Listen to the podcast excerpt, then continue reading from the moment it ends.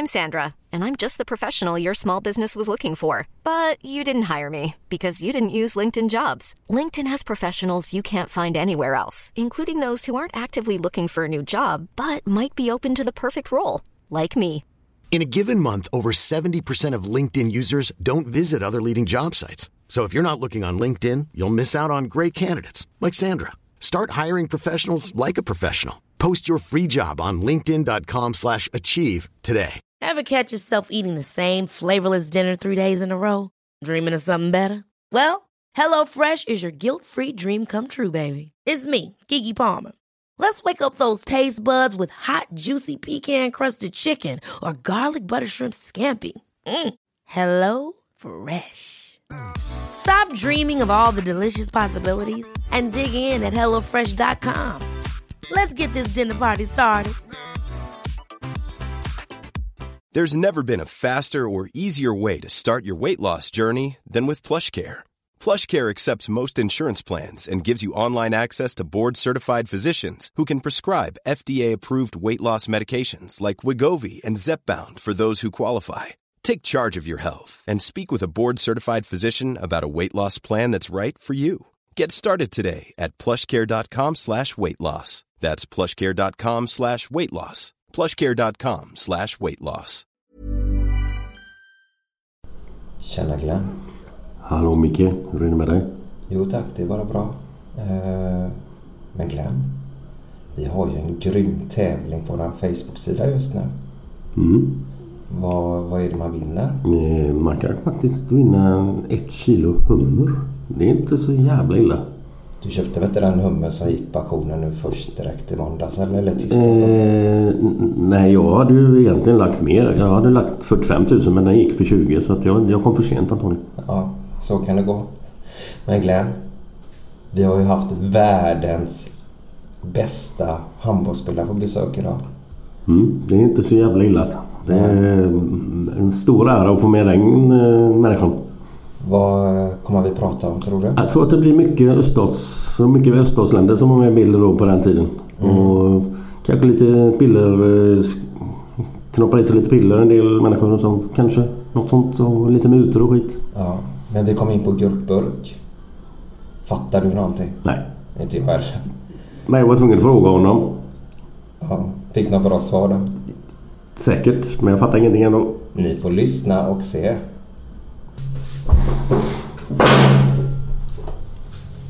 Glenn, vad ska du? Jag tänkte jag skulle sätta på lite kaffe faktiskt. Fan vad gött. gott så här. Ja.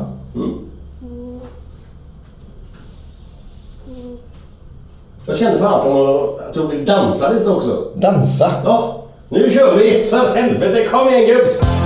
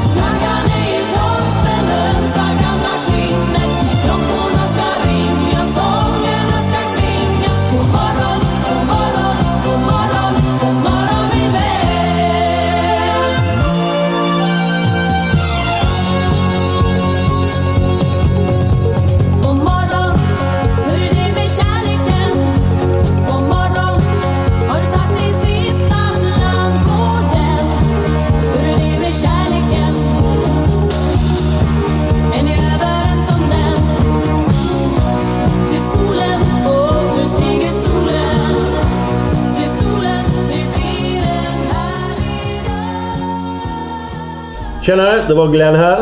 Eh, välkomna till Gött Enna-podden igen. Idag har vi en eh, underbar gubbe med oss i studion här som gäst. Magnus Mislander. Wislander heter han. en kanongubbe och en hyfsad handbollsspelare. Jag kan eh, dra upp lite grann här vad som står på registret här. Två VM-guld. Två VM-silver. Tre VM-brons. Fyra EM-guld. Fem OS... och står det tre OS-silver. Två gånger tysk ligamästare. Sju gånger tysk ligamästare. En gång tysk cupmästare. Och två gånger EHF cupvinnare. 384 landskamper. Man kan hålla på hur länge som helst. Århundradets bästa spelare. 0-0. Världens bästa spelare. Vad står det där? 90. Står det? Ju du som Jag har knappt dig. det. Nej men det är 90. Ja, det, man kan hålla på hur länge som helst. SM-guld och allting. Jag måste bara fråga dig Magnus, här, när, när du läser upp det här. Stämmer det att... Alltså, eller också har jag drömt det här. Att du blir vald till världens bästa 9-metare och sen gick du in på linjen och så blir du vald till världens bästa linjespelare. Stämmer det eller? Ja, det ligger väl en sanning i det. Det är fan med makalöst alltså. Det är inte svårare än att gå från Libero till center eller. Nej, inte alls. Vad säger du Micke? Är det hyfsat register? Ja, jag säger välkommen, välkommen. Tackar, tackar. Eh, det som är så imponerande. Du är vald till alltså århundradets handbollsspelare vid 90-talet nu då, eller ja, 1900-talet. Eh, bästa handbollsspelaren där. Eh, och eh, det känns som att inte det har riktigt kommit fram till alla ungdomar som växer upp idag hur stor du var egentligen. Var det en fråga eller var det ett konstaterande? Konstaterande faktiskt. Nej, men äh, inte det... Vi lever i Sverige. Eh, Mr Lagom eh, är i Sverige och ingen får sticka ut. Eh, det är väl lite utav den biten som är. Eh, och framförallt så är vi ju väldigt, väldigt bra lokalt på att tycka att eh, våra lokala produkter är mycket, mycket bättre än eh, det som finns i Stockholm eller eh, i Halmstad eller i Malmö eller någonting. Och jag tror att vi har vant oss för att leva på det sättet att inte måla upp någon eh, sådär enormt stort. Vi har blivit lite bättre på det i sista tiden tycker jag och det är väl Zlatan som egentligen har gjort det. Samtidigt som jag är lika dålig på det som kanske andra människor för att jag tycker ju Torbjörn Nilsson är den bästa fotbollsspelaren som har funnits i Sverige ungefär. Där eh, har du en eh, medhåll från mig kan jag säga. Men skämt åsido, det går ju inte att jämföra Nej, egentligen Torbjörn. Nilsson och Zlatan. Zlatan är ju en gudabenådad fotbollsspelare och allting. Men även där lägger jag ju mina egna känslor i det. Att ja, men jag tyckte nog Tobbe, för han var under min tid och lite så här. Och Det är väl typiskt svenskt skulle jag vilja säga. Och eh, kommer man då utanför Sverige så skulle ju komma ner till Balkan eller till Tyskland eller någonting så skulle det inte finnas någon som ens funderar på att presentera mig som något annat än århundradets handbollsspelare i världen. Och, eh, I Sverige så, så får man alltid ha en av världens bästa eller en av Sveriges bästa kanske. Okej, ja. Så att eh, vi är ju sådana i Sverige. Men, men du, va- varför, det jag var inne på förut där, varför gick du från 9 meter till linjen? Var det någon speciell anledning eller var det bara en... Det bara blev så eller vadå? Eller vad måste ha hänt? Eller vad, vad, vad hände? Ja, men det var väl eh, Benga, Johans påfund egentligen. Eh, jag spelar ju på 9 meter i landslaget och när det mitten på 90-talet så fanns det ju rätt bra 9 eh, i Sverige med Lövgren, Olsson, Vranjes, Magnus Andersson, jag själv då.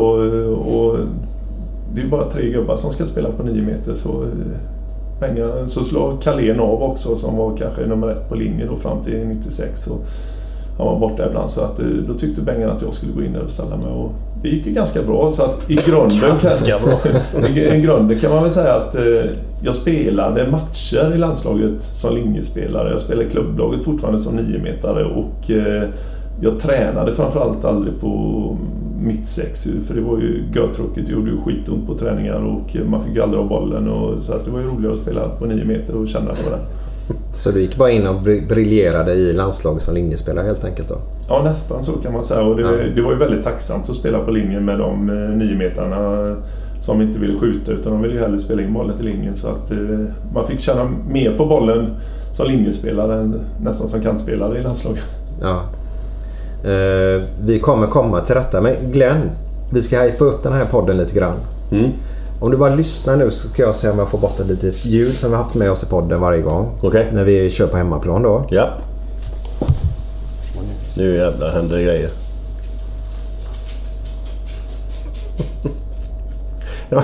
Det är något... Oj, oj, oj, oj, oj. Det är ju en helt annan värld. Hörde du? Ja, nu hör jag ju själv vad jag säger.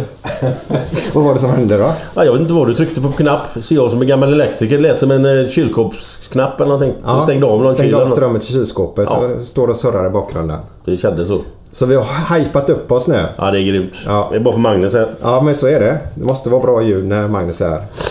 Varm mjölk och rinnande smör. Ja, exakt. Det beror på hur länge podden blir visserligen. Så vi får inte gå och öppna den för mycket nu bara. Ja, det är lugnt. Men Magnus. Eh, vi går tillbaka lite till din karriär. När började du spela handboll? 1974. Jag var väl Då var du 10 år då. gammal. Ja. i Tuve IF. Eh, fick för mig, eller jag och en kompis, vi hade ingenting att göra på vintern. Eh, fotbollen låg ju nere då. Det var kanske lite snö på grusplanen så att eh, det fanns inte så mycket att göra då. Hade han som förslag att vi skulle gå till en handboll istället. Och det gjorde vi.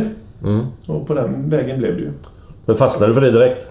Nej, gjorde jag inte. Nej. Eh, ja, jag tyckte att handboll var roligt. Eh, första träningen fick jag ju stå ensam och ta tre steg och kasta mot en vägg för att jag gjorde lite fel eh, från början. Jag ville ha högerbenet fram och man ska ju ha vänsterbenet fram när man kastar och sådär. Så att eh, hade man gjort det idag så tror jag inte att eh, då hade ungarna gått hem igen eh, efter fem minuter. Då fick jag stå ensam en kvart och kasta boll mot en vägg. Men det var roligt det också.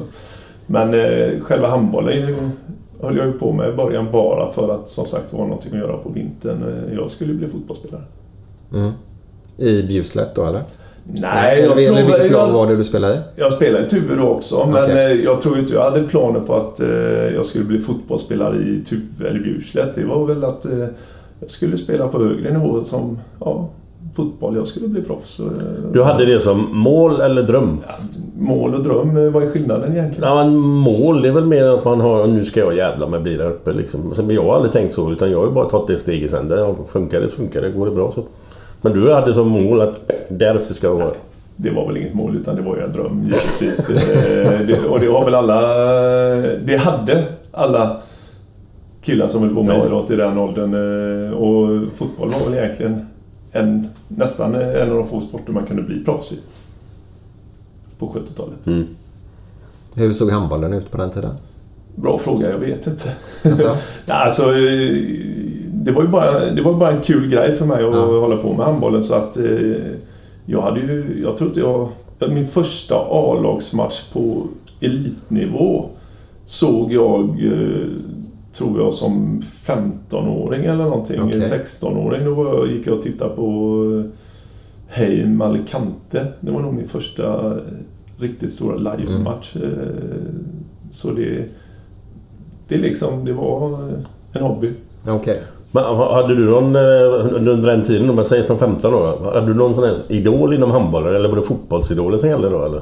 Nej, det, jag, som sagt jag hade ju inte sett någon handbollsmatch nästan och jag hade inga idoler. Så du hade ingen aning Nej, det, det, jag hade väl sett någonting men fotboll var ju livet liksom. eh, Ja, fram till 14 års ålder i alla fall. Och Torbjörn Nilsson var ju min stora idol och Blåvitt var laget. När kände du då att eh, handbollen är det jag ska satsa på? Jag tror inte man känner det själv riktigt utan jag tror att valet gör någon annan åt en. Det gjorde i alla fall någon åt mig. Och det, det var väl så att eh, jag kom med i stadslaget som handbollsspelare. Jag, jag blev petad från stadslaget som fotbollsspelare. Eh, jag fick erbjudanden från RIK. Eh, och tackade ja till det och man fick göra, jag fick göra min första allsvenska match eh, rätt snabbt. Och, så att jag tror inte att jag själv gjorde valet utan det bara blev så. Andra gjorde valet åt mig. Det är ganska intressant för du Glenn fick ju nästan det var andra som valde för din del också nästan. Ja, men, För Glenn åkte på något också. Något, kan du berätta snabbt bara? ja men det, alltså, det andra valde var väl inte men det var så att jag också på... Det var ju stadslagsläge med handbollen. Ner till Ystad tror jag. Och vi åkte på... Ja, det var matcher där nere på, i Ystad på någon jävla vänster. Jag kommer inte ihåg exakt hur det var. Så åkte vi på träningsläger med Varta i fotbollen. Och jag valde fotbollen. Och sen var jag inte välkommen i handbollen efter det. Det var jag och Stefan Andersson en gubbe till. Vi har tur vissa utav oss. Så att det blev ju fotboll automatiskt bara. Så att det var, men det var jävligt, jag tycker det var jävligt kul att spela handboll alltså. Det var skitroligt. Men vilken position spelar du i fotboll? Ja, det, det var väl en avgörande bit i det. hela. Jag var mittfältare eller eh, släpande anfallare. Och, det där gäller ju att ha någon som jobbar åt en. När man har de positionerna. Och, nej, det, det var väl... Det, jag gillar ju att ha mycket boll och eh, även där eh, hade jag väl ett gott öga för medspelare och känsla i det hela. Så att eh, det är väl den positionen jag hade som handbollsspelare i början också i princip. Och, även som fotbollsspelare. Sen har jag ju som fotbollsspelare genom åren alltid haft tur. Eh, varit målskytt och grejer. Och det, är som jag säger, vissa spelare kan ju stå en meter från mållinjen och skjuta tre meter utanför eller över. Och Vissa kan stå med ryggen mot mål och försvararen skjuter den i nacken och bollen går in. Och det var väl den kategorin jag tillhörde. Så kallar du det tur. Men du står ju på rätt ställe då. Jo, målskytt. men eh, samtidigt ska ju den gå stolpe in eh, och inte en meter utanför. Men den gör det för vissa faktiskt. Ja, Alltså så, så är det ju väldigt Ja. konstigt men eh, det är ju en sanning. Ja. Men sen det 80-talet då, vad, hur fortsatte det för dig? Du, kom du med i landslag och sånt tidigt som ungdom? För vi vände oss lite grann till ungdomar också genom denna podden. Eh, Vi pratade förra, förra gången då så var det ungdomsfotboll. Patrik Gustafsson var här. Eh, Hur såg det ut för din del? Var du kom med i pojklandslag och sånt eller hur såg det ut? Ja, jag, det, är väl det första man gör egentligen. Det är väl att bli uttagen på något sånt här eh, riksläger. Eller först regionalt läger, det är ju stadslag och kommer med det. Sen är det riksläger och så. Om man kommer vidare så minskar ju gruppen och, i den åldern. Och, eh, jag fick ju vara med hela vägen. Jag har väl eh, ett antal juniorlandskamper och rätt många U-landskamper faktiskt. Eh, Det tror jag att det inte är så många som har. För jag fick ju vara med även 62orna. Eh, Jag har gjort två U-VM eh, faktiskt. eh, 83 och 85. Så den vägen har jag vandrat, liksom varit med i alla landslagen och sen debuterade jag i A-landslaget 85 då. Mm. U då, då, då är det typ U21 då eller vad? vad Ja, det är u var det på den tiden. okej, Ja. ja. Och sen då är du i 20-årsåldern där och sen 85 då så blir 20 21 då eller? Mm. Så jag debuterade inte i A-landslaget eh, enormt tidigt. Nej. eh, Utan eh, det var en underbar resa som är få förunnat eh, att göra. Framförallt får ju inte man leva eller uppleva det eh, som då var gamla öst eh, på den tiden. Och första resan till Polen och mitt i vintern. Och, ja, mycket intressant. Kan du berätta någonting därifrån? Men det, man blir ju... Det är ju en liten överraskning och det, den världen finns ju i alla fall inte i Europa idag skulle jag vilja påstå som man upplevde då. Och man åkte, flög ner till Warszawa och sen så en buss sju timmar. eh, Det var 25 grader på utsidan och 22 minus på insidan i bussen. Och det var 30 mil och sju timmar eh, skumpande. Sen kom man fram till ett hotell och så tittar man. Är det ett hotell det här eller är det... ja, En laggård. en anstalt nästan, eller vad vi ska kalla det för. Vaknar upp på morgonen och så som nyfiken grabb så snyter man ju sig för man var lite snubbig då. Så man, då det finns väl ingen grabb som inte har kollat i näsduken eller pappret efter man har snutit sig. Så att, och det var ju kolsvart så undrar man om man var, var sjuk eller...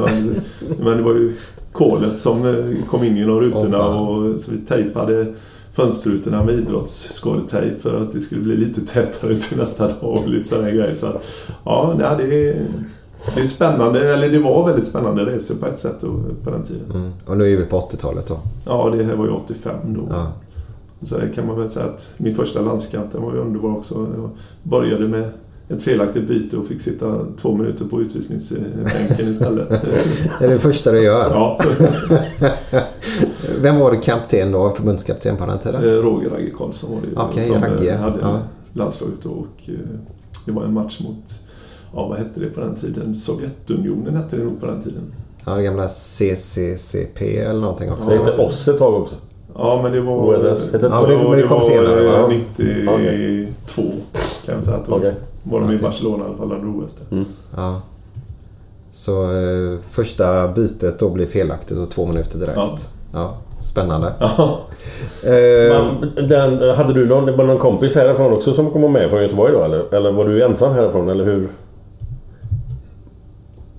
Var det någon mer spelare som kom härifrån? Ja, det var, ju, ja, det var ju jättemånga. Det var ju Bröderna Jensén och Ja. det var man- lite RK. Jag tror att det var, jag undrar om inte Peder Järpåg, eh, 100 kilo lättare, var med på den tiden också. Ja, jag hörde det häromdagen.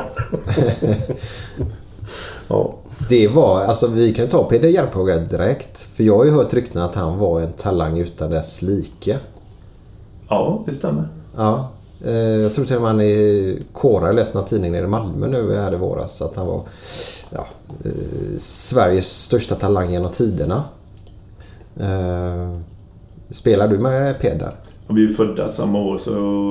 eh, Göteborgs handbollen överhuvudtaget var ju väldigt, väldigt stark. Årgång 64. Mm. Så eh, Peder och Sävehof hade ju ett jättebra lag och han var ju väldigt... Ja, låter ju jäkligt dumt, men han var väldigt tidigt utvecklad. ja, det är så intressant. Vi kan följa upp det lite.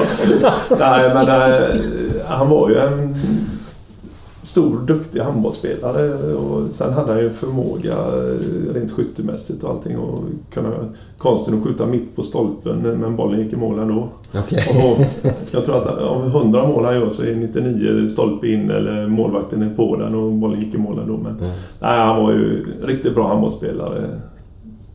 Mm. Som ungdom i alla fall. Ja. Men eh, vi släpper Peder helt enkelt. Men han... Eh, jag har hört Magnus. Ta den direkt på dig faktiskt. Eh, en materialare. Sa han bara. Det var ju Peder nu jag träffade honom i veckan nämligen. Så han så här. Säg materialare. Nu kommer jag inte på namnet vad han är materialaren Kalle hette. Holmgren. Alltså, är det Så var Kalle vi snackar om?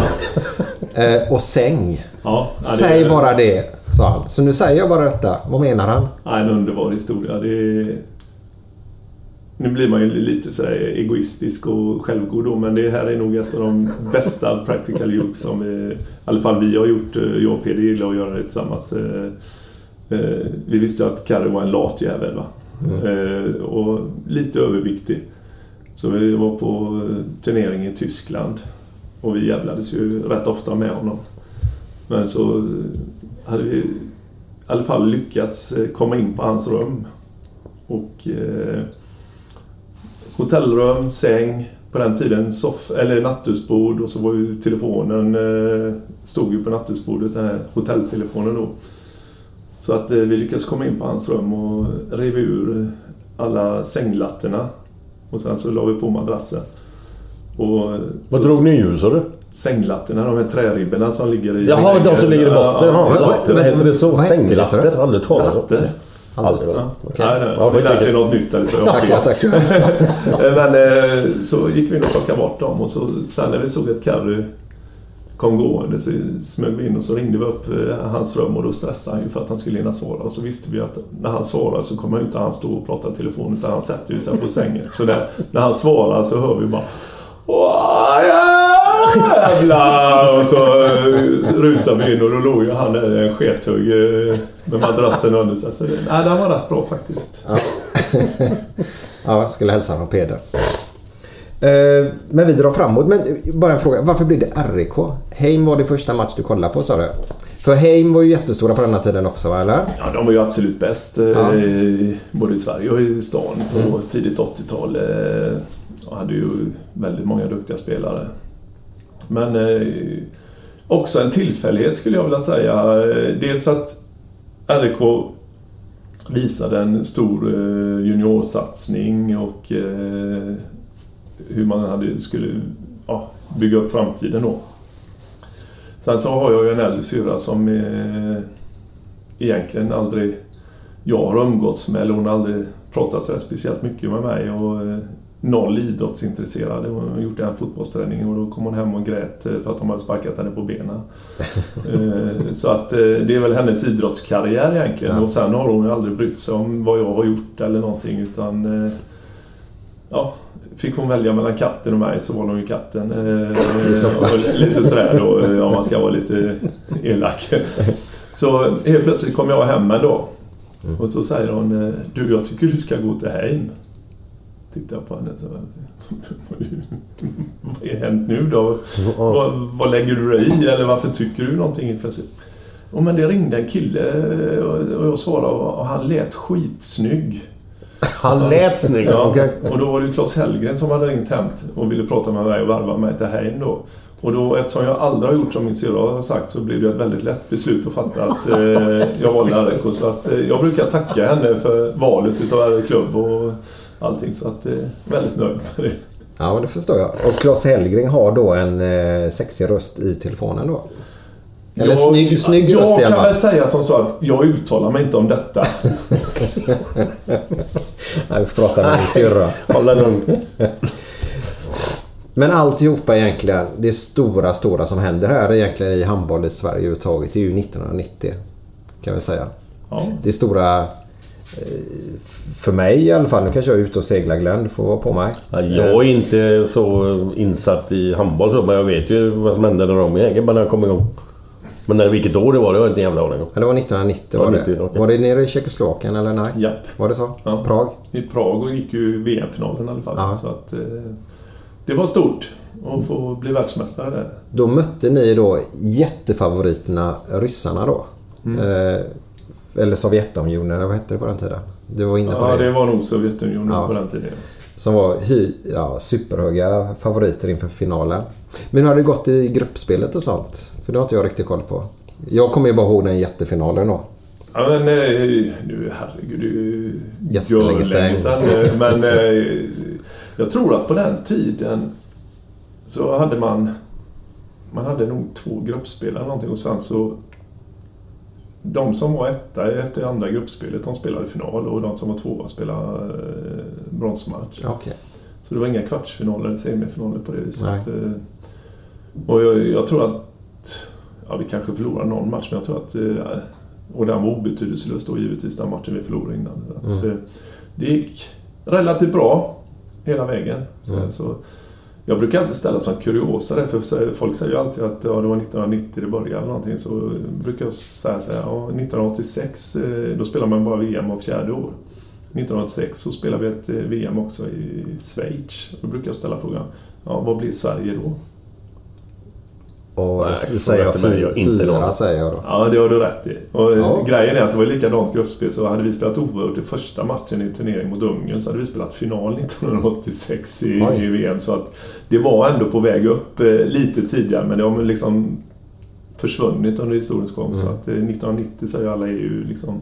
Ja, självklart är det pricken över dit. Ja. Bara lite... Staffan Olsson var ju med 90 där. När, när är han född? Har du koll på det? 64. 64 också. Eh, Ola Lindgren, våra gamla... Han är född- 64 02 29. Oj. Hur fan kommer du exakt det där? För att Men han hallå, själv vad är det för dag den 29 februari? Ja, 29. 64. Jaha, jaha, jaha nu fattar jag. Men då är inte han så gammal för han fyller år väldigt sällan. ja. Så sett. Men du fyller också år i februari va? Ja. Chandre säger jag. Stämmer det? Ja, du har pluggat in rejält. Det här sifferminne faktiskt. Eh, 486. Men i alla fall, vi hade ju väldigt bra... Var det det 64-gänget som bar fram egentligen Sverige då? Som redan började 86. Var de med 86 också? Nej, 86 var jag nog... Nej, Peder var med också i VM 86. Vi var ensamma 64 då med eh, under det VMet. Men lite kuriosa också är ju att 1985 så spelade vi VM-final i, i UVM då mot Ryssland. Och fick pisk med 10 tror jag. Vi var inte nära. Nej. Och det är i princip samma lag som möts 1990. Så det, det var rätt roligt. Okej. Plus lite äldre spelare. Ja. Sen är det ju några som var väldigt eh, starkt bidragande till det här. Det var ju Erik Kajas, det var ju Mats Olsson i målet, eh, Carlén på linjen och Björn Jusén. Vilka jävla lirare alltså. Ja, nej, det var ju några, Sten Sjögren var ju med då. Och Det var väl det också som Bengan nämner jämt när man pratar om att han faktiskt ställde över Sten Sjögren i sin två... Skulle gjort sin 200 landskamp i en VM-final och fick inte spela. Så Okej. Pierre Thorsson var ju med där istället. Jag skulle sagt att han måste vara med. Ja. Och Erik Hajas med sina kontringar. Ja. Ja. Men ni låg ju under finalen med eh, 14-11 vet jag faktiskt. Eh, Mm, stämmer va? Möjligt. Möjligt. Du har ingen koll på det så? Nej, jag eh, är väl en av dem. eh, Någonstans så har min fru spelat in alla VM-matcher mer eller mindre och EM-matcher på VHS. VHS. och de finns i en kartong hemma men jag har Ja. ännu inte tittat på en enda utav de filmerna. Nej. Men eh, nej, det, det, jag har nog hört några rykten om att vi låg under lite och Mm. i halvtid tror jag till och med om det stod 14-11 eller någonting. Mm. Slutresultat, jag har ingen aning. Vad- vad var det för- 27-24 tror jag faktiskt att det 27-24, blev. ja. Men eh, lite osäker men någonting åt det. Vad var det för folk som var med i, alltså typ i... i alltså man säger, inte bara förbundskapten utan de runt omkring där. Vad var det för gubbar som var med då? Ja, det var ju... Materialare typ och de andra som Ja, sitter på Carro. Holmgren Carro var med. och sen var det ju Bengan. Det var- Sen eh, tror jag att överledare var Staffan Holmqvist faktiskt. Eh, Man hade ju alltid en eh, överledare med på den tiden. Men det fanns ingen typ assisterande förbundskapten? så. Det var Nej, en, en, Bengan hade ju Carro lite till det också. Men han behövde inte. Vi var ju assisterande allihopa spelarna på plan. Ja, vi kommer till det också. Ja, men vi pratade ju om detta förut, jag och Glenn, innan där att eh, det var ganska roligt att följa er på TV för det var så roligt när de började filma där man såg där. Bengan sa ju inte mycket.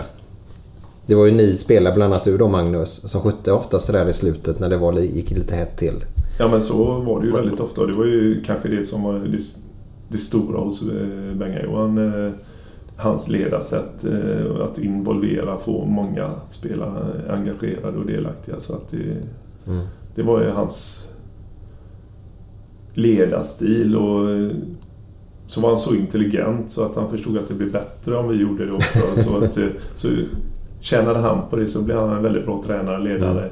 Och så, så gjorde han inte så mycket utan han höll sig mest i bakgrunden. Så. Mm. Men hade han... eh, Hur var hans genomgångar på, alltså med taktik och grejer? Och så? Var det långa eller var det korta grejer? Eller, var han, eller hur hur gick det till? Jag vet inte, jag skulle kunna tänka mig att det är ungefär som en genomgång med Glenn Hysén. lite, lite rörigt, man hör- förstår inte allt. Och, och, inte... Nej, de var, inte, de var inte så långa eller någonting. Nej. Eh, Han var ju han var ganska medveten om olika saker. Eh, och eh, sen hade han tagit lärdom utav lite innan. Ragge var ju en fantastisk eh, handbollstränare, ledare. Han levde ju handboll 24 timmar om dygnet. Vi hade genomgång innan en landsk- eller OS-match mot Jugoslavien på... tror han hade klippt och allting. Det tog nog två timmar. Det var klipp på Vujovic på 45 minuter. Och när vi väl stod på plan så satt Vujovic på bänken och de satte en annan gubbe som gjorde sju på första tio minuter. Så ibland kan det bli lite fel med Ja. för långa genomgångar. Ja, ja, så ja. på det sättet. Vad har du tagit med dig som tränare därifrån? Men det, man blir väl alltid påverkad och, eh, av folk man har levt nära och haft eh, att göra med.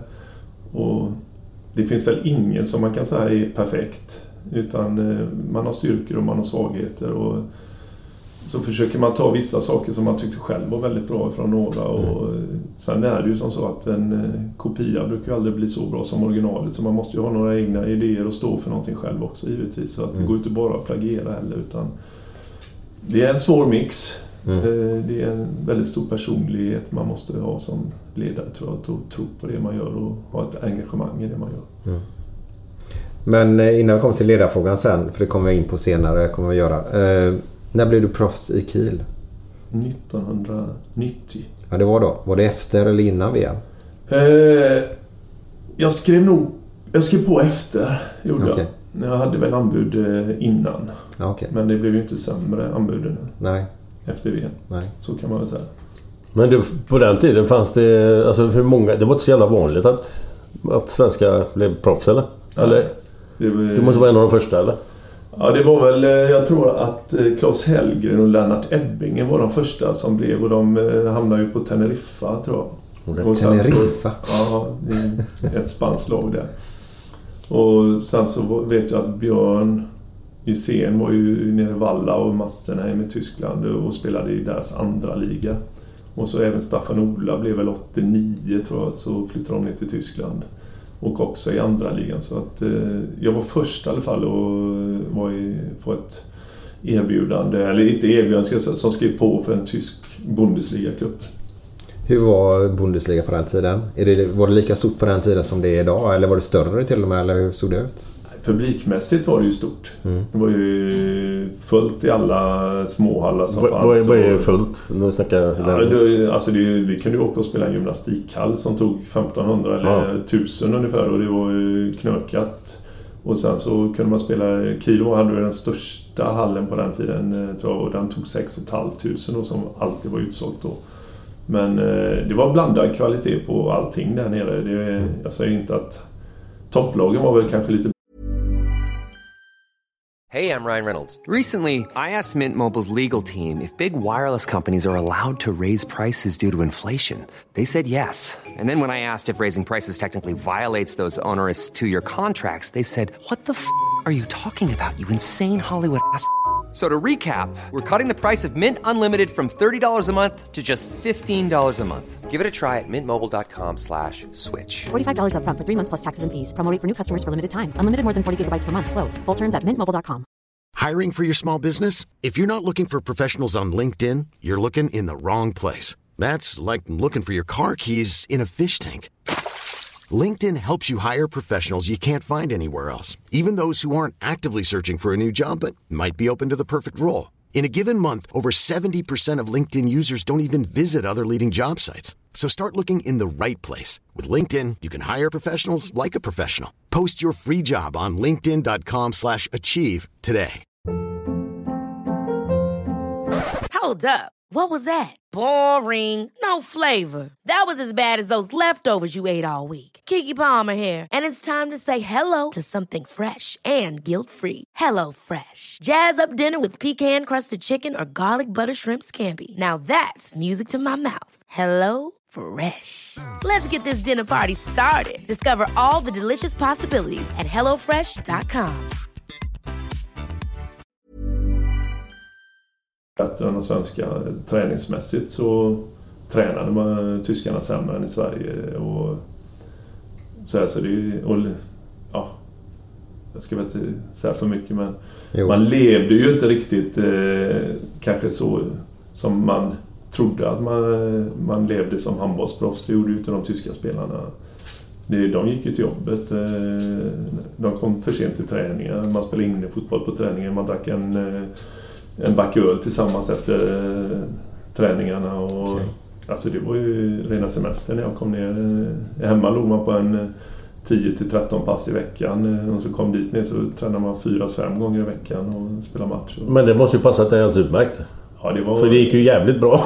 Ja, men det, det, man kommer, det, det är ju en liten eh, konstig del i mitt liv egentligen. Eh, 26 år, 25 år. Enormt trött på handbollen. Man har spelat i högsta ligan i sju år och eh, vunnit lite SM-guld. Och man har gjort sina landskamper. Eh, och den hösten då innan eh, hösten 89 så var jag ju ja, riktigt jävla trött på handbollen.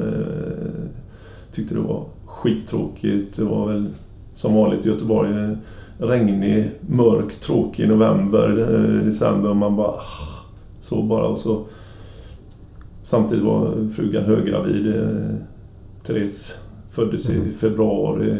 VM var i februari precis 90 där. eh, Så att det var mycket som hände och samtidigt var jag då jäkligt trött på handbollen så det stod väl mer eller mindre i valet och kvalet om man skulle fortsätta eller inte. Och det var ju som svensk så på den tiden så eh, slutade ju de flesta spela eh, på elitnivå. Jag tror det gäller både fotboll och handboll mer eller mindre att någonstans 27-30 års åldern där så eh, då var man bildar familj och eh, kraven blir annorlunda och ja. Och det var ju väldigt, väldigt tacksamt för mig att få det här erbjudandet. Så liksom ta det, ja men vi flyttar dit och två år i alla fall så kan vi ha, ja, må lite bra och ha det gött i alla fall. Och så kan man flytta hem sen och satsa på kar- karriären på någonting. Men vad var det som gjorde att du, att du blev kvar så länge då? Var det 10 år? Eller var det 12. 12? Vad var det som gjorde att... Vad var, var, var ni hittade rätt någonstans? Nej, men jag tror att det blev den biten att jag, kom, jag spelade ju först fotboll hela våren efter jag hade skrivit på eh, proffskontraktet då i division 4 Okej. eh, med Bjurstedt. Och, och sen så flyttade vi ner och så kom den här lilla, det blev någon slags semesterupplevelse. Det, det blev roligt med handbollen. Ja, ja. Det blev lite annorlunda och,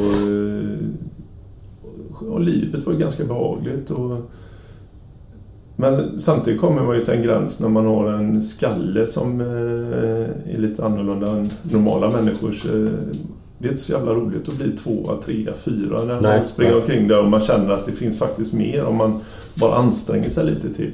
Och då blev vi några killar som började tycka lite där nere samtidigt.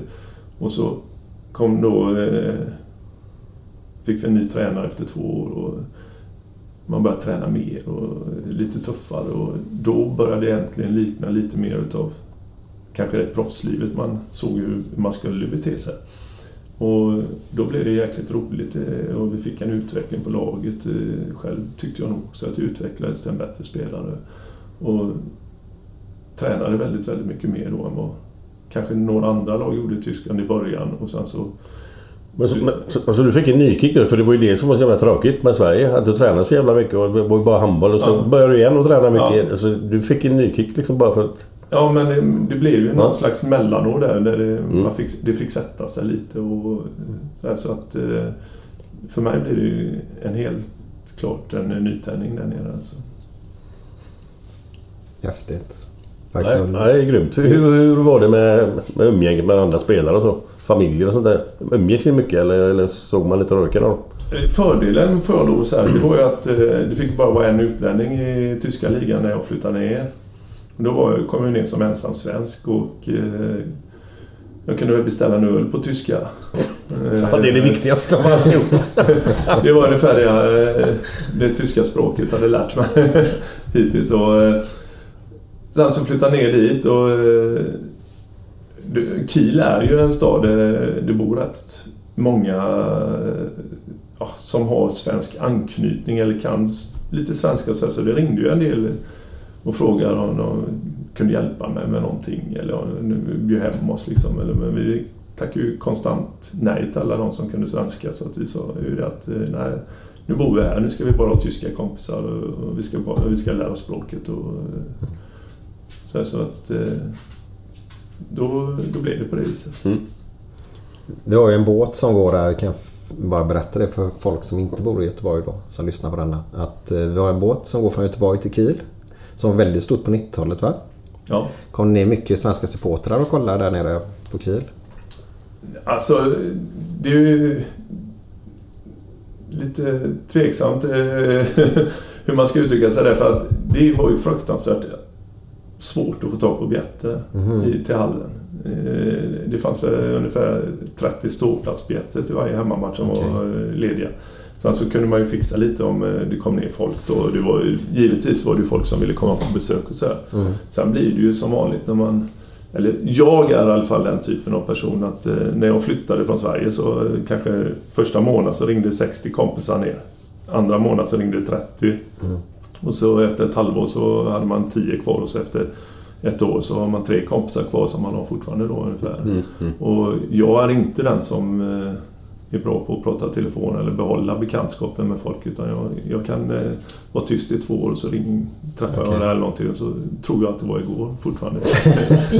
Jag har inga problem med det. Tror det? Ja, jag tror det men det kanske inte är den andra jag har träffat tror utan tycker att jag är en katastrof som inte har dem innan. Så, men Ah, okej. Någonstans är det på de premisserna och likadant blev det ju när jag flyttade hem. Eh, Man märker så att Sen var det ju många som ville komma ner och titta på matcher givet sig. Men man märker ju vad man har för riktiga kompisar. Där det, det är många som gärna vill komma ner och flasha och liksom komma ner och titta på matcher och leva där nere med en helg eller... Jaha, okej. Men de alla de jävlarna som har varit nere på olika ställen. De har inte hört röken av när man kommer tillbaka till Sverige. Nej, det- Jag vet inte hur du har ju känt det där Nej, men... men det, det har ju, Man vet man kan räkna dem fem så här, kanske tio. Ja men så, så blir det ju automatiskt. Ja. Och jag vet, jag, det var väl... eh, Jag åkte jag på någon riktig sån där blåsning där jag, någon som skulle komma ner och... Ja men...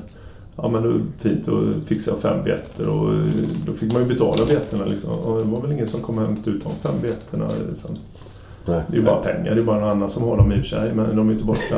Men...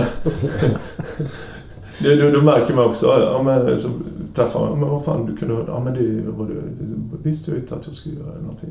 Nej, nej, Efter det så lär man sig lite hur man ska hantera saker. Det är bra det. Men eh, du drog iväg med familjen där, dit, eller dit ner med nyfödd.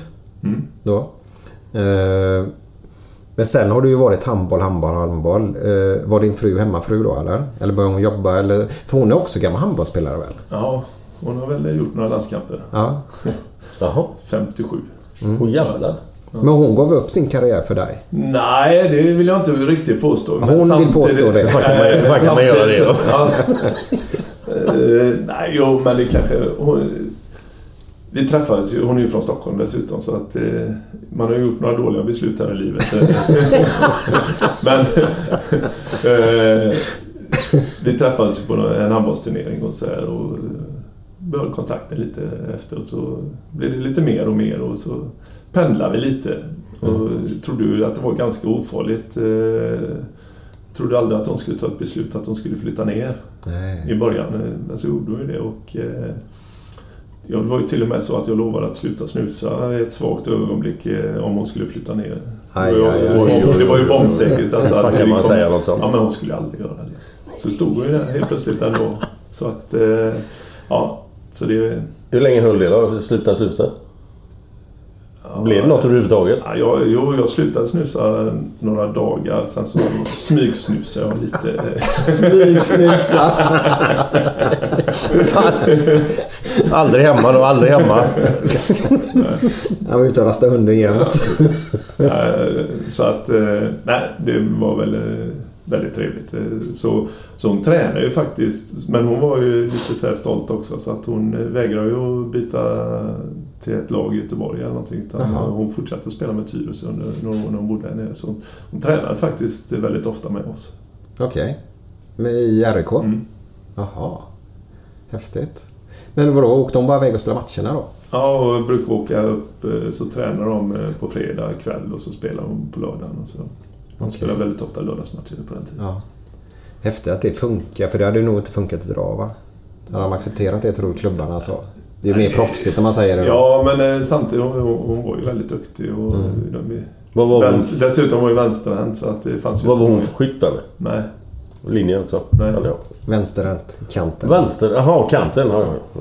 Är man alltid... Ja, bara nej, man är vänster, nej, är men man jag- alltid på kanten? Nej, men jag bara tänkte så här i min erfarenhet. Ja, men om du är linjespelare så är du väl inte mer värd bara för att du är vänsterhänt, tänker jag? Eller, Nej, nej. eller jag är ute och Nej, seglar. det, det kan väl finnas vissa bra aspekter i det också. Men nej, skämt åsido, hon var, hon var ju väldigt duktig. Så att, däremot så tror jag inte att man kanske hade accepterat det.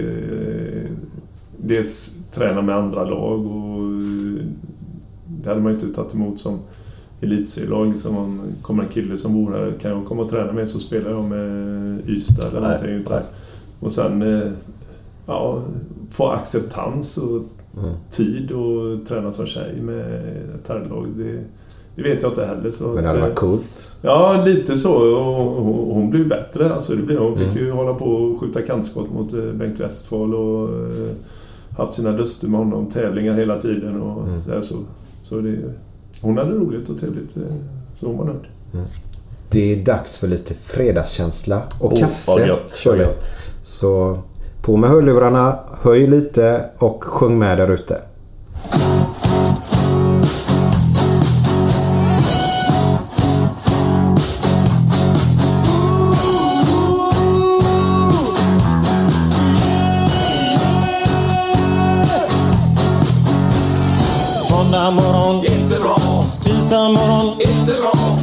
Onsdag morgon, inte bra. Torsdag morgon, det är inte bra.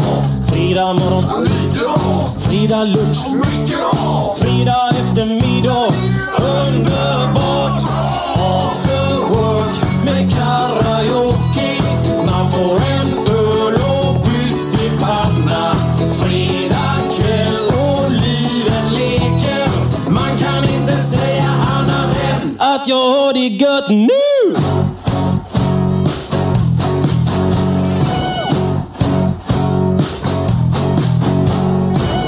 Måndag morgon, inte bra. Tisdag morgon, inte bra. Onsdag morgon, inte bra. Torsdag morgon, inte bra. Fredag morgon, lite bra. Fredag lunch, mycket bra. Fredag eftermiddag,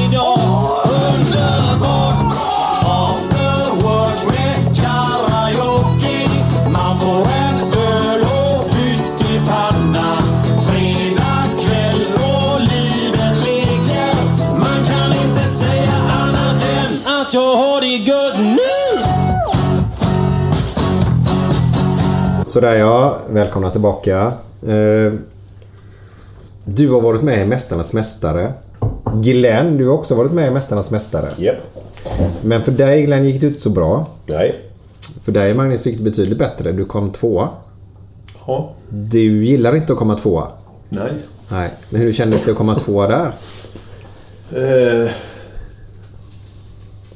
det är lite både och-känslor. Alltså, eh, för det första är det ju ett TV-program som jag måste säga jag tycker är helt fantastiskt. Eh, inte bara titta på, eh, eller inte bara vara med utan även att titta på, få uppleva de andra idrottsmännens framgångar och lite utav det som har legat i glömska. Så att på så sätt tycker jag det är ett riktigt, riktigt, riktigt bra program.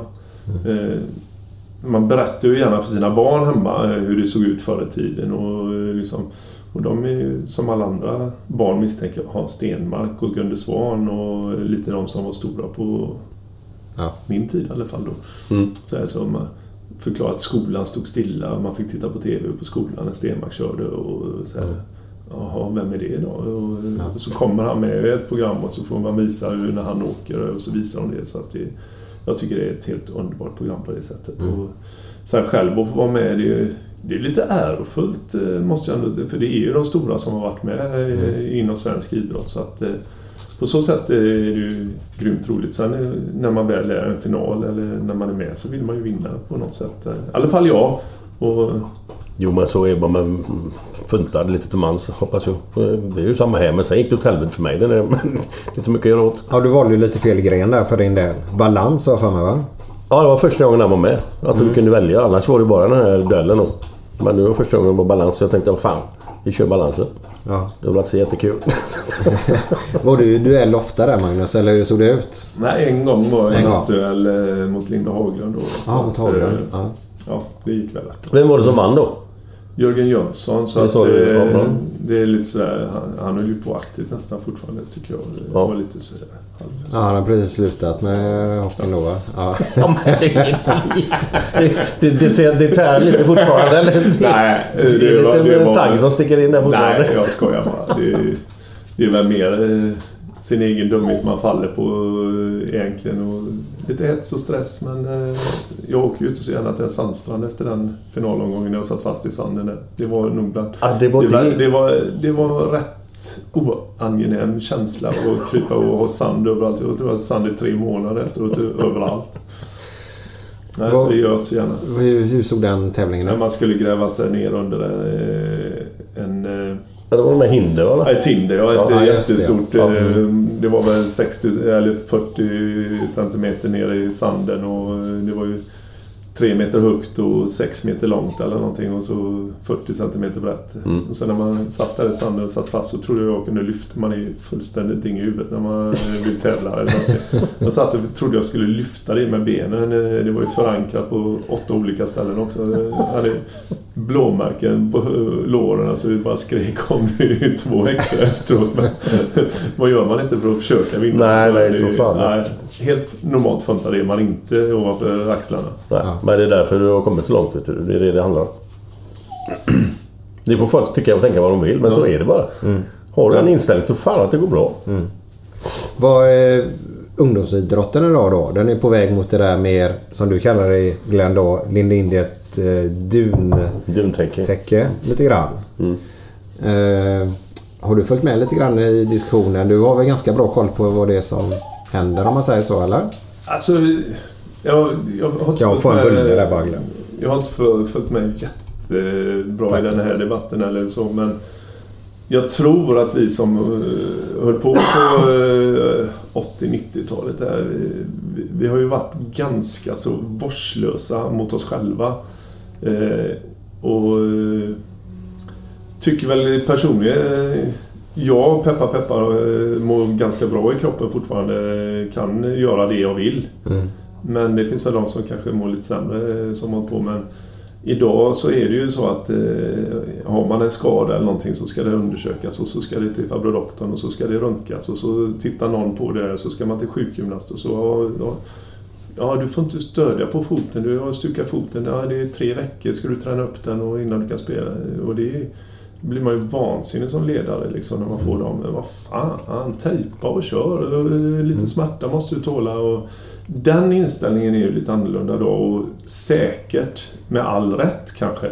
Men det är ju inte det som vi har upplevt, eller i alla fall inte det jag har upplevt. Eh, Och, ja, jag tycker att det är, det är bara att tuta och köra, men samtidigt så är det ju kanske helt rätt rent fysiologiskt i alla fall att göra på det viset. Men det är ju svårt att acceptera ibland. Men, men så nu är vi tillbaka här igen. Nu är vi inne i det här igen. Glenn brinner för detta nämligen. Vänta nu, vi bara... Ja, men alltså, jag vet inte... Ja, förlåt. Ge han en bulle så är han lite tyst sen. Okej, här har du Vivian. Varsågod. Var det inte Glenn du sa eller?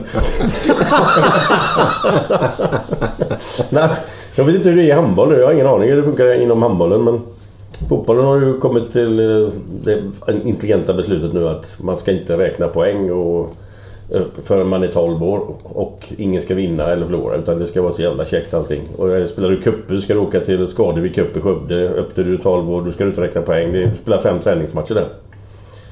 Jag kan inte fatta det bara. Jag, alltså det, det är nog inte bara jag, men det är ingen som har mått illa av att förlora någon gång. Även om man tycker det är för jävligt men då, blir- då stärker man ju sig istället. Fan, nu vill jag vinna nästa gång. Inte det här jävla drabblandet alltså. Jag orkar inte med det alltså. Jag vet inte vad du tycker. Jag är väl inte så frispråkig som du är, men... Eh, jag, om jag säger så här. Att när jag var 7-8 år så nog fan visste jag om jag hade gjort mer mål än eh, motståndarna och eh, om jag spelade... Du visste det ja? Ja, om Ja. jag spelade en pingismatch och om, även om inte vi skulle ha räknat så räknar jag väl alltid själv att eh, jag hade vunnit. ja och vem, vem fan mår dåligt av det då? Nej, jag, de som förlorar. Ja, just då ja. Just då är det tråkigt att förlora ja. Men det är ju bara... Nej. Nej, jag, Byt- jag, jag, tror, jag, tror, nej, men, skämt jag tror att de som är där och spelar den här matchen det spelar ingen roll om någon säger att det inte ska räknas resultat eller någonting. De som vill framåt och de som är de som har det här drivet och håller på med idrotten. Nog fasen vet de eh, vad det står i den matchen, även om det inte står på tavlan. Det är jag helt övertygad om. Jag, jag förstår inte riktigt vad, vad, vad, vad, det är som ska bli bättre med att man inte har poäng. Jag fattar inte. Alla är lika. Ja, det var väl lite... Ja, det är ju som du sa förut. Mellanmjölkens land. Nej, men det är ju lite... Jag tror att de pratar om det där att det inte ska slås ut någon på vägen då. Eh, När man slås ut någon på vägen. Alltså, Nej, men det där med att eh, man blir bortvald som barn då. Eh, men verkligheten ser ut lite grann så även i, i, på alla ställen. Eh, Ja, men det är väl grejen i det hela att eh, det är fortfarande de som är, är bäst i varje lag som styr lite i den åldern. Och, och jag kan väl själv eh, veta att handbollen var ju väldigt snäll på det sättet att även... Eh, det fanns ju de som var sämre och de som var bättre eh, när vi var 10, 12, 13 år i handbollen. Och vi hade väl full acceptans. Det var ju inte så många som spelade på den tiden, men vi var glada att vi hade fullt lag i Tuve. Och då fick ju ja, nästan alla vara med. Och då gick man ju i handbollen nästan ända fram till den här killen och sa här har du bollen. Och så stod man ju två meter bort och sa passa nu tillbaka så får du, ja, du har fått känn på den. I fotbollen gjorde man ju tvärtom. Då vände man sig åt vänster och oj där står han. Nej men han kan ju inte ta bollen. Då spelar jag åt höger istället. Ja, men alltså, som bra spelare väljer man ju bort de som är sämre ändå eh, per automatik. För den kollen har man ju när man är, även när man är yngre. Och det är så att jag vet inte vad man riktigt vinner på det. Och det, det är väl värre att bli bortvald av sina lagkamrater egentligen på grund av att man är för dålig. Nej, jag spelar åt det hållet. Och det gör man ju som A-lagsspelare också. Om man vet att det, det står han som gör mål i varje läge, då får ju han bollen istället för att man spelar till den som missar alla lägen. Mm. Så utslagningen kommer ju alltid att finnas på ett eller annat sätt tror jag. Mm. Oftast har ja, och det är ju inte för att man ska vara elak på något Nej. sätt. Utan det är ju bara så. Det är ju, pff, Fan. Nej, det, är- det är en stor fråga för det har ju med träningsflit att göra också då. Ja. Alltså, oftast de som tränar mest, blir, de blir ju också lite bättre. Eh, men vi släpper det. Eh, OS var vi inne på. Tre silver. Stämmer eller? Mm. Är det, snackar vi 92, 96, 00? Japp. Mm.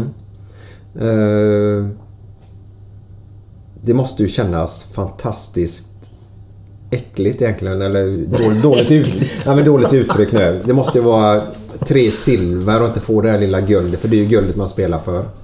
Ja men så är det ju. Hur man än blir och vänder på det så... Eh, jag brukar säga ja, men jag skulle inte vilja byta bort tre silver mot ett guld. Men det, det beror ju på att eh, det är en fantastisk eh, upplevelse att få vara med i ett OS. Liksom, så att jag tar ju hellre med mig tre OS och tre silver än jag hade bara varit med i ett OS och tagit guld. På så sätt med. Sen får man ju titta på vad, hur det har sett ut motståndsmässigt och eh, hur vi själva har spelat. Så här. Så jag kan väl acceptera silver 92. Sen så 96 var vi ju... Var det i Spanien där? Nej. Jo, det var i Barcelona 92. Vilka mötte ni då? OSS. Ja. Ja, vi var inne på det förut. Ett fusk... En fusknation som Okej. inte har funnits. Ja, ja, men Nej, det, nej, det var ju de, Ja. de, eh, alla ryska staterna innan de eh, blev självständiga. plockade ihop folk där. Ja, Jaha. och med det som kommer fram från vardagen nu så var de säkert dopade också. Nej, jag skojar bara faktiskt. Ja, men jag kan köpa det, men det är ju inte... Man kan inte... Jag skulle inte bli gladare att få ett eh, OS-guld postdumt, det, det kan Nej, jag ju säga. nej. Men eh, det, det var väl kanske okej. De var lite bättre än oss tycker jag. Men eh, 96 var vi ju, tycker jag, outstanding i, under hela turneringen, även innan. Vi hade ju spelat hur bra som helst. I, vinner mot alla ganska lätt och så har vi 10 minuters blackout i finalen. Som gör att vi inte kommer ikapp någon gång riktigt. eh, Och den gör riktigt, riktigt ont tycker jag för att då, det var liksom, då var vi så bra så att vi, vi skulle ha OS-guldet. Vad menas med blackout? där? Vad hände just det? Ja. Det? Ja, det, det är väl någon sån här idrottsmännens eh, dilemma att eh, helt plötsligt kan du gå ut som ett kollektiv och ingen är bra. Alla bara står och tittar. Och möter ett bra lag som får allting att fungera i 10 minuter så ligger vi under med 8-1. Eh, Det är en rätt rejäl uppförsbacke. Eh, Så jag får skylla oss själva lite givetvis för att vi inte klarade av att hantera situationen. För det var mer så. Så att det, om man sätter för stor press på sig själv eller inte. Men Sen eh, 2000 så hade vi också en rätt bra chans, eh, spela rätt bra. och Tycker jag får kanske, får man inte heller säga så, men eh, kanske två, tre taskiga domslut när vi leder faktiskt i andra halvlek mot eh, ryssarna då. Någon kontring, de blåste ett stegfel tror jag det var på Johan Pettersson och, som är högst diskutabelt. Så att eh, återigen, man ska ha lite flyt och allting ska passa för att man ska ta sig ända fram. Men var det samma år som ni mötte när ni gjorde den fantastiska vändningen? Fast i EM-finalen var det va? Var det också år 2000 va? Ja, det kan det stämma ja. Det var i. Zagreb där jag dubbla förlängningar, eller en Ja. förlängning mot ryssarna i alla fall i finalen. Ja, det har blivit dubbel förlängning va? Ja, det kan vara så.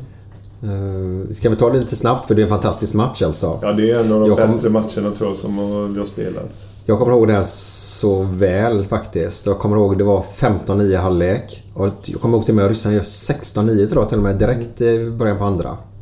Och sen händer ju något magiskt. Uh, spikar igen och kan du berätta lite grann om... Fick de någon sån här kollaps då? Ka- Kaos? Ja, de var väl egentligen inte så mycket bättre än vad vi var utan vi var nog ganska jämna lagen. Eh, Och jag är, jag är så dålig på att komma ihåg. Jag, Ja, men jag tror det. om det var Jash Stankiewicz som stod i mål och gick in eller om det var 98. Han var, det var ju någon av målvakterna som började ta lite bollar i alla fall. Sen i halvtid där så var det rätt roligt faktiskt för att man kan ju, får ju allt, ofta journalistfrågan ja, vad, vad pratar ni eller vad sa ni i halvtid eller någonting. Och då vet jag att då berättar faktiskt Benga-Johan en, en historia, en rolig vits ungefär för att han tyckte vi, vi var så stela och liksom vi började slappna av lite mer så då drog han ju något sånt här halvlässskämt eller någonting så vi satt och garvade nästan istället. Du kommer inte ihåg vad det skämtet var för? Nej, det, och, så, nej men och det blir någon sån här grej. Så när vi går ut där så är vi ju avslappnade och sen så är det ju ofta så i, i handbollen i alla fall att om man går in och är lite spänd och så eh, klarar inte av att hantera situationen riktigt så spelar man dåligt. Sen när det kommer till en gräns när det liksom är kört, då slappnar alla av och släpper loss och då spelar man ofta som bäst. Om man kan göra det. Och, och det, det gjorde vi. Jag tror att till och med att det är en av de landskamper jag har gjort mest mål i. Jag tror jag hade gjorde 10 eller 11 mål i Okej. den finalen. Ja. Så den var rätt rolig. Varför blev du utvisad? För, det, för den gick ju till förlängning. Det blev 24 lika blev det. Eh, efter full tid då. Och så gick den till förlängning. Eh, men så blev du utvisad eller? I förlängning. Eller blev du utvisad under ordinarie tid? Kommer du ihåg det? Eller du kanske inte ens blev utvisad? Nej, inte, det, inte där. Det var inte den matchen? Det var VM 99. Jaha, I andra okej. halvlek. Ja. Då blev jag jag rött kort. Ja, Ja. tror jag fick jag rött kort eh, Ja. när vi vann VM-guld. ja. Men kommer du ihåg någonting om förlängningen av den matchen?